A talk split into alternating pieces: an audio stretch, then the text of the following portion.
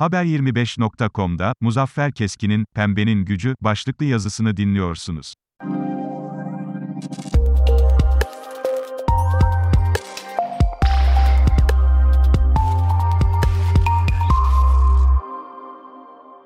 ABD Temsilciler Meclisi'nin Başkanı Nancy Pelosi'nin Tayvan ziyareti gündemdeki en hareketli konulardan biriydi. ABD ve Çin gibi iki süper gücü karşı karşıya getirdi.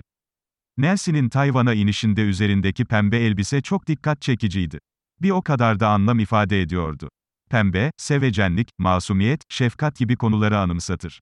Bu rengin kadınlık ve anneliğine vurgusu çok nettir.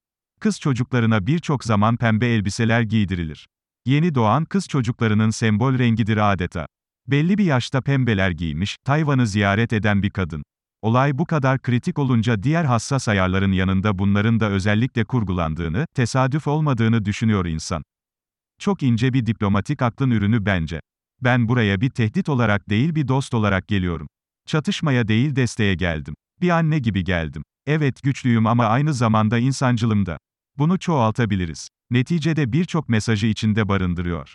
ABD, bu kadar çeşitli ve uzak coğrafyalarda bu kadar farklı ırk ve kültürlerdeki insanlara kendini sevdirebiliyor da, yanı başında Çin Halk Cumhuriyeti'ni temsil eden Çin Komünist Partisi neden bu kadar itici görülüyor? Çevremizdeki birçok insandan Amerikan emperyalizmi ile ilgili şikayetler duyuyoruz.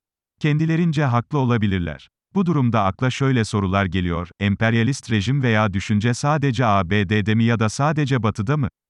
Rusya, Çin, İran gibi ülkelerin yayılmacı ideallerine ve faaliyetlerine ne diyeceğiz? Bunların arasında özellikle ABD dünyanın öbür tarafındaki insanlara kendini nasıl sevdirebiliyor? Sadece, ben güçlüyüm, diyerek mi? Görülen o ki burada gücü olan ve aynı zamanda pembe olan daha karlı çıkıyor. Güç bende demek yetmiyor. Pembe deyince sadece bir rengi kastetmiyoruz elbette. ABD ve Batı, insan hakları, demokrasi, adalet, inanç özgürlüğü, fikir özgürlüğü ve ifade özgürlüğü gibi kavramlarla bu pembe rengin altını doldurma iddiasıyla hareket ediyorlar. Belli seviyede de olsa bu iddialarının altını dolduruyorlar. Dünyanın dört bir yanından ABD ve Avrupa'ya doğru giden göç dalgaları bu konuda bir fikir veriyor. Görülen o ki biz siyasette pembe rengimizden epey bir şey kaybetmişe benziyoruz. Komşularımızdan problemli olmadığımız yok gibi. Kendi içimizde de durum iç açıcı değil. Herkes bir taraftan asılıyor. Herkes herkesi kendisine benzetmeye, kendisi gibi düşündürmeye ve inandırmaya çalışıyor. Olmuyorsa seni toplumun öcüsü gibi görüyor ve gösteriyor.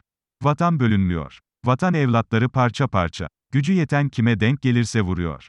Bence, biz de hem çevremizdeki bölgede hem de kendi içimizde birbirimize pembe olalım, pembe tarafımızı daha çok ve gerektiği kadar gösterelim derim. Ülkemizin siyasetinde de kadın elinin ve pembe gücün etkisinin artması dileğiyle esen kalın. Diyor, Muzaffer Keskin Haber 25.com'daki köşesinde.